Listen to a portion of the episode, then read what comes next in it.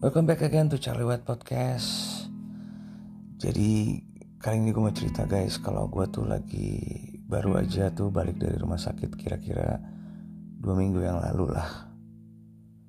Ya kan? Gue lagi kena musibah guys. Nih gue ceritain dikit. Um, Jadi setelah gue perform Di daerah SCBD di tempatnya teman gue juga. Jadi dia bilang yuk kita cek ombak ke beberapa tempat. Gitu. Kalau nggak salah ada empat tempat waktu itu kita kunjungin. Nah sebelum sampai ke tempat yang keempat kan kita muter tuh jalan kaki kan daerahnya deket-deket kan. Nah teman gue ini ngeliat handphone iPhone. Lalu dia bilang sama temennya juga bro itu ada iPhone aman kan nanti kalau misalnya di telepon kasih tahu dan kita balikin gitu. Ditaruhlah sama teman gue yang satu lagi itu ke dalam tas lempangnya dia. Nah cuman yang namanya lagi ke tempat uh, clubbing gitu ya suaranya nggak kedengeran dong mau telepon kayak gimana juga jedang jedung ya. Terus pas kita mau balik ditahan sama security. Mohon maaf katanya ada uh, laporan kehilangan di sini gitu. Boleh diperiksa tasnya gitu. Wah gue udah feeling gak enak nih. Wah gawat nih. Akhirnya bener pas dibuka tasnya teman gue ada tuh handphone kan. Ini handphone siapa gitu. Karena casingnya pink guys. Ya kan karena temen gue cowok dan masa casingnya pink ya kan. Terus dicoba lah ditelepon sama si security itu bunyi handphonenya. Langsung teman gue itu ditangan diangkut masuk ke pos guanya disuruh jangan ikut-ikutan loh gitu. Cuman gimana ya? Orang kita nemu di depan kok bukan di dalam tempat itu gitu. So gue berusaha untuk ngejelasin eh gue dituduh komplotan. Parah parah.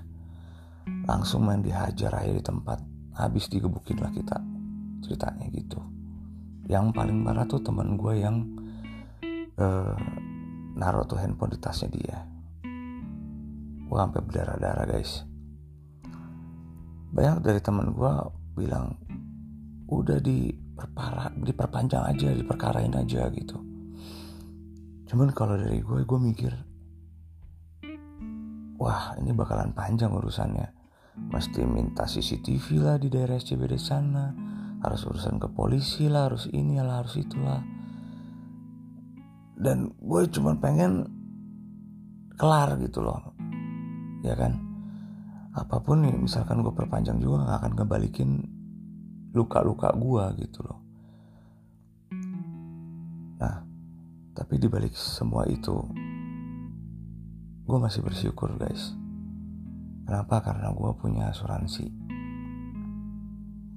Ketika gue besokannya itu uh, rada kepala gue rada pusing-pusing teman gue bilang mending lu cek mending lu cek gitu loh dan benar aja gue datang lah ke rumah sakit daerah uh, Karangtengkas itu. Ya ada rumah sakit baru. Di sana gue bilang kalau uh, eh, gue mau diperiksa gitu loh. Sampai akhirnya ketahuan nih di kepala kanan gue itu ada pendarahan ternyata di otak kanan gue untungnya dikit gak gak gak gak gak apa gak, gak banyak gitu loh dan langsung ditangani dengan baik. Benar-benar ditangani dengan baik. Dikasih obat yang baik juga. Dan bahu kiri dan kanan gue itu semuanya di ronsen kepala gue di MRI atau CT scan. Dan gue dapet kamar yang VIP gitu loh. Sesuai dengan plan yang memang gue ambil di asuransi tersebut ya. Satu hal yang yang gue bersyukur di sini ya itu gitu loh. Ketimbang teman gue yang digebukin juga itu dia nggak punya even BPJS dia juga nggak punya gitu. Akhirnya dia cuma bisa diurut doang guys. Kasihan sih. Malam di mana hari pertama gue tidur ngomong-ngomong gue tuh juga baru loh. Seumur hidup gue ini nih hampir 39 tahun gue tuh nggak pernah dirawat di rumah sakit. Jadi baru pertama kali itulah gue ngerasain yang namanya di infus malam itu ketika gue berbaring di ranjang rumah sakit ya kan? Uh, eh, VIP kelas tentunya. Satu kamar sendirian kamar mandi di dalam. AC-nya dingin selimutan musibah memang terjadi dalam hidup gue tapi gue tetap bisa mengucap syukur. Gue benar-benar bersyukur gitu loh. Gue bisa bilang Tuhan thank you ya. Di saat gue lagi seperti ini gue bisa dapetin fasilitas yang bagus pelayanan yang baik. Supaya apa? Supaya gue cepat sembuh karena yang namanya musibah lu gak akan pernah tahu guys. Lu gak akan pernah tahu kapan. Gak ada feeling apa pun. Kejadiannya kejadian aja gitu loh. Maksud kita baik loh. Tuh handphone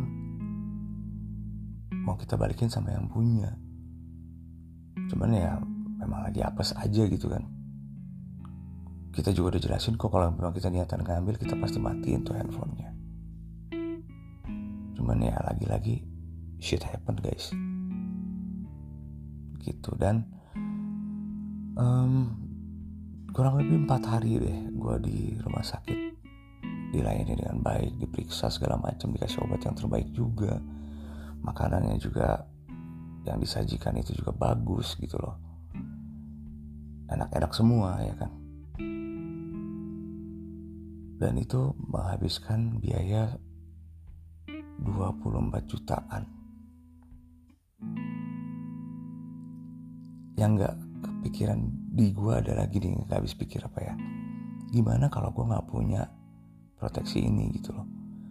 Udah apes ya kan kena musibah terus harus keluar duit segitu banyaknya juga. Walaupun duitnya ada tapi lu rela gak sih gitu loh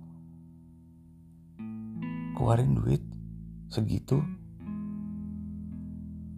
dalam waktu tiga setengah hari atau jam dalam waktu empat hari ya kan? Parah men. Dan belum selesai sampai sana karena gue juga harus kontrol ya kan? Nah minggu depannya gue kontrol itu gue dicek ulang atau di CT scan ulang kepala gue thanks Godnya itu pendarahannya sudah nggak ada sudah meresap dengan baik juga. Ya kan dan itu ngabisin sekitar 3 jutaan. Terus uh, minggu keduanya gue kembali ke kontrol lagi itu ngabisin satu jutaan. Ya jadi gue hitung-hitung total sampai dengan sekarang itu adalah 28 juta sekian guys. Kalau pakai uang sendiri gak rela gue benar-benar gak rela.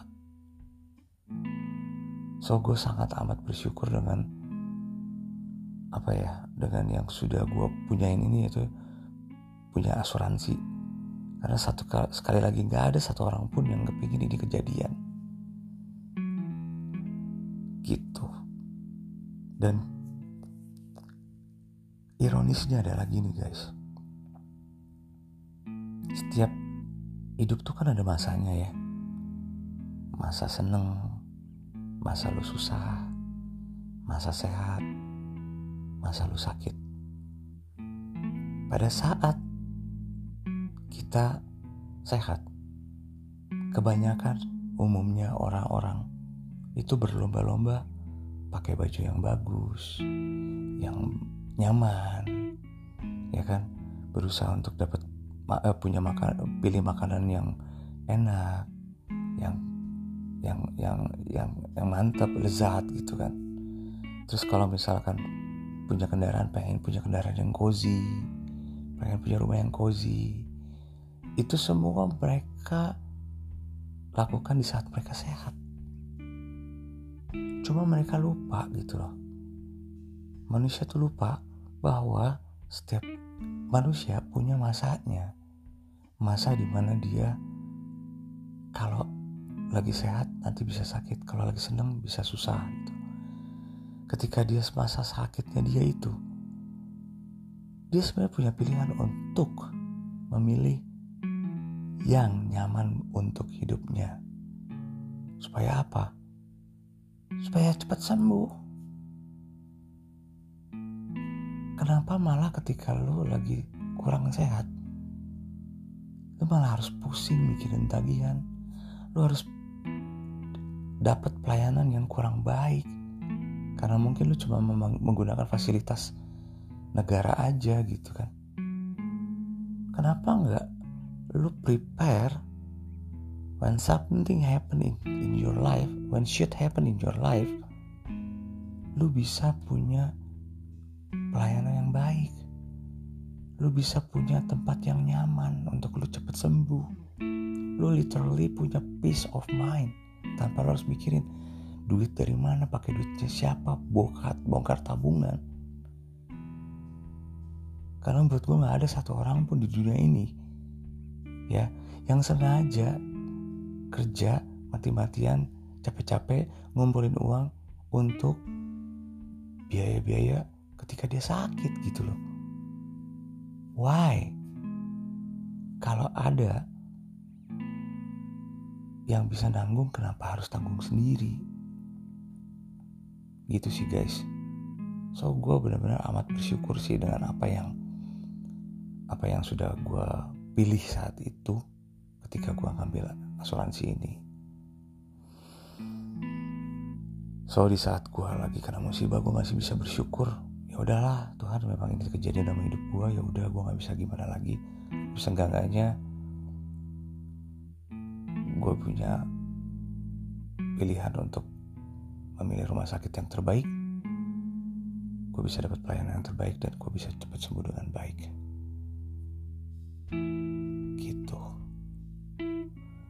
pelajaran lagi satu hal lagi juga adalah kalau nemu barang apalagi yang bukan punya lu udahlah biarin aja lah nggak usah disentuh biarin aja gitu so teman-teman itu aja cerita dari gue dan thanks God sekali lagi keadaan gue juga udah membaik semuanya dan kita akan ketemu lagi di cerita-cerita sharing-sharing gua berikutnya. Thank you guys. Cari buat podcast pamit undur diri. Bye.